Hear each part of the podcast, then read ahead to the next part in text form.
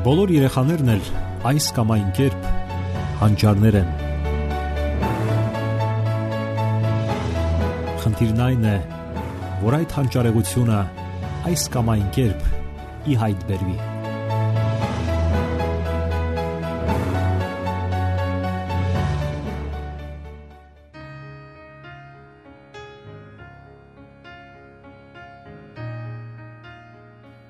Բարև սիրելի ռադիո լսողներ։ Եթերում դասերակցություն հաղորդաշարն է։ Երեխաները վաղ թե ուշ շփվում են դրամական աշխարհի հետ։ Եվ թե ինչպես կմտնեն նրանք այդ աշխարհը հիմնականում կախված է այն բանից, թե ինչ հմտություններ են ստացել ծնողներից։ Ինչպես են վարվել ծնողները ընտանեկան բյուջեի հետ եւ ինչ են սովորեցրել երեխաներին։ Հասկանալի է, որ երեխաները ոչ միայն խնամ եւ հոգատարություն են պահանջում, այլ նաեւ ֆինանսական ծախսեր։ Ծնողները պետք է այնպես վարվեն ընտանեկան գումարների հետ, որ դրանք բավականացնեն թե ընդհանուր ծախսերին, թե իրենց եւ թե իհարկե երեխաներին։ Գուցե թվա թե սրանք པարս հարցեր են, սակայն բազմաթիվ են այն ընտանիքները, որոնք թաղված են պարտքերի մեջ, գտնվում են մշտական վարկային պարտավորությունների բեռանտակ եւ երեխաները կարծես թե երկրորդ պլան են մղվում։ Հարկավոր է լավագույն օրինակը տալ երեխաներին, թե ինչպես վարել ընտանեկան դրամագլուխը։ Այդ հմտություններն էլ նրանք կյանք են մտցնելու։ Եվ այսպես, երեխաները անպայման պետք է հասկանան իրենց կարիքների ու պարզապես ցանկությունների կամ որ ավելի վատ է, քմահաճույքների միջև եղած տարբերությունները։ Ինչ է անհրաժեշտ դրա համար։ Ամենից առաջ հարկավոր է երեխային սովորեցնել, որ շնորհակալ լինի այն ամենի համար, ինչ ունի։ Բացատրեք, որ չի կարելի ընդունել շրջապատող մարդկանց հոգատարությունը եւ սերը այնպես, կարծես հենց այդպես էլ պետք է լիներ, եւ բոլորը պարտական են իրենց։ Հենց այդ ժամանակ է երեխան հասկանում, որ ամեն ինչ չէ եւ միշտ չէ, որ ձեռք է բերվում առաջին իսկ պահանջից, որ այն, ինչ նա ունի այդ պահին, ավելի շուտ առավելություն է եւ նվեր, քան թե ինքնին ենթադրվող մի բան, որ հենց այդպես էլ պետք է լիներ։ Չէ որ նույնիսկ հարուստ ընտանիքներում են դասյարակում համեստ ու չափն իմացող երես չառած երեխաների։ Իսկ ահա շատ համեստ կարողությունների տեր ընտանիքներ կան, որտեղ ծնողները կաշվից դուրս են գալիս, որpիսի կատարեն զավակների կամակորությունները եւ քմահաճույքները եւ մեծացնում են ամենաիսկական եսասերների։ Եվ այսպես, առաջին պայմանն այն է, որ երես չտա երեխաներին։ Իսկ ինչպես վարել ընտանեկան դրամագլուխը։ Ինչպիսի խնայողություններ անել ինչպես խուսափել անիմաստ ծախսերից, որpիսի պարտքեր չկուտակվեն։ Հիշեք այսպիսի կանոն. գնացեք խանութ առանց երեխաների։ Այլապես երբեմն ստիպված կլինեք զիջել եւ որոշ անկարևոր գնումներ կատարել։ Ասենք կոնֆետներ, քաղցրավենիքներ եւ այլն։ Դրանք ինքնին բոլորովին էլ օգտակար չեն առողջության համար։ Եվ գաղտնիք չէ, որ բոլորս էլ մեզ վատ ենք զգում, երբ երեխայի պահանջից հետո մյուս գնորդները կամ վաճառողը դատապարտող կամ լավագույն դեպքում կասկածանքով մեզ են նայում, որպես թե ինչ ժլատ ծնողներ են։ Եվ հետո միայնակ գնումների ժամանակ դուք հանգստանում եք, չեք շտապում եւ չեք նյարդայնանում։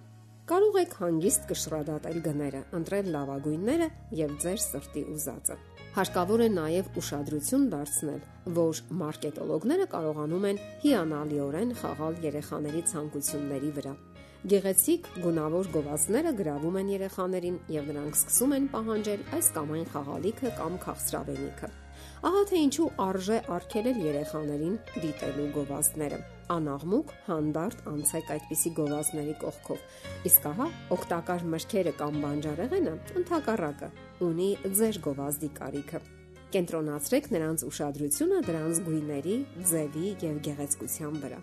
Գովազդներով հարուստ են նաև հերոստատեսային հաղորդումները։ Այնպես որ մտածեք նաև այդ մասին։ Իսկ ինչ կարելի ասել երեխաների հակուսների մասին։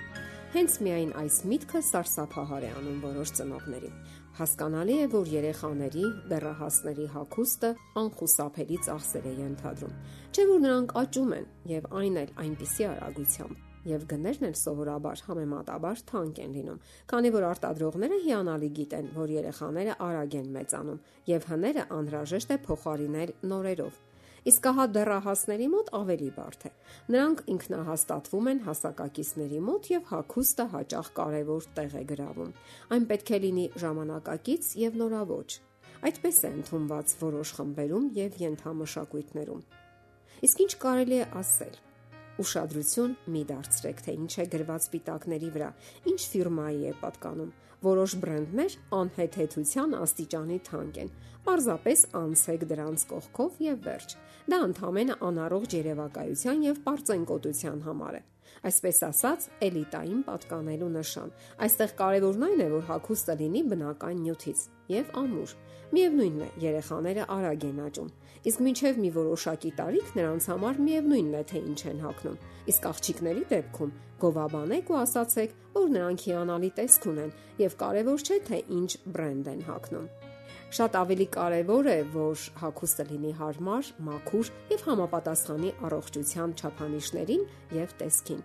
Իմիջայլոց սկսվեք նաև այլ ծնողների հետ եւ փորձի փոխանակում արեք։ Ասենք, որ օգտակար է նաև դեռահաս երեխաներին առաջարկել խնայողություններ անել իրենց գումարներից, որին դուք հետագայում կհավելեք ձերը։ Եվ երեխան կսովորի խնայողությունների եւ գումարները տնօրինելու արվեստին։ Իսկ ինչ կարելի ասել զվարճությունների մասին։ Եվս մի կարևոր դաշտ երեխաների համար։ Պարզապես լավ մտածեք, թե ինչն է անհրաժեշտ ձեր երեխային Շատ զվարճություններ կարող են հետագայում բացասական ազդեցություն ունենալ ձեր երեխաների վրա։ Դա դուք ինքներդ եք որոշում, կախված երեխայի առանձնահատկություններից, զարգացման աստիճանից, միջավայրից եւ այլն։ Բոլոր դեպքերում հարկավոր է ընտրել այն, ինչը օգտակար է ընդհանուր զարգացման եւ առողջության համար եւ ի վերջո հասարակության համար։ Զվարճությունների մեջ կարելի է ներառել զբոսայգիները, པարզ զբոսանքները, կիրակնորյա զվարճանքները բնության գրկում, նույնիսկ ընթերցանությունը ծնողների հետ, որոնք եւս գումար են պահանջում։ Մեր օրերի համար բնականon են համարվում խաղալիք ավտոմատները։ Դարձյալ հարկավոր է ընտրել նրանք, որոնք անվտանգ են եւ տրամաբանություն են պահանջում։ Կապված չեն սպանությունների, բռնարարքների հետ եւ անվնաս են։ Կարող եք այցելել նաև կինոդահլիճներ, սահադաշտեր, ճոճանակներով հանգստավայրեր։ Դրանք հարուստ, պայծառ հույզեր են ապարգևում երեխաներին, հատկապես եթե դուք այդ ընթացքում երանդուն շփվում եք երեխայի հետ։ Այս զվարճանքների համար կարելի է գումար խնայել ընդհանուր ծախսերից, եւ այդ խնայելուն մասնակցում են ընտանիքի բոլոր անդամները։ Երեխան ինքը հպարտություն կզգա այն բանից, որ ինքը եւս մասնակցում է այդ խնայողությանը։ Որոշ մասնագետներ առաջարկում են նաև երեխաների հետ երբեմն քննարկել ընտանեկան բյուջեի եւ ծախսերի հետ կապված հարցերը։ Բոլոր դեպքերում հարկավոր է լինել խնայող։ Դա միշտ էլ ճիշտ է, սակայն ոչ իհարկե երեխաների հաշվին։ Դե ինչ, ցանկանում ենք հաջողություններ այնպիսի բարդ եւ պատասխանատու հարցում, ինչպիսին է ընտանեկան դրամագլուխը եւ նրա ճիշտ տեղաբաշխումը։ Սիրելի ռադիոլսողներ, եթերում դասերակցություն հաղորդաշարներ։ Ձեզ հետ է Գեղեցիկ Մարտիրոսյանը։ Ձեզ ուզող հարցերի համար կարող եք զանգահարել 093 00 63 27 կամ 094 93 55 77 հեռախոսահամարներով։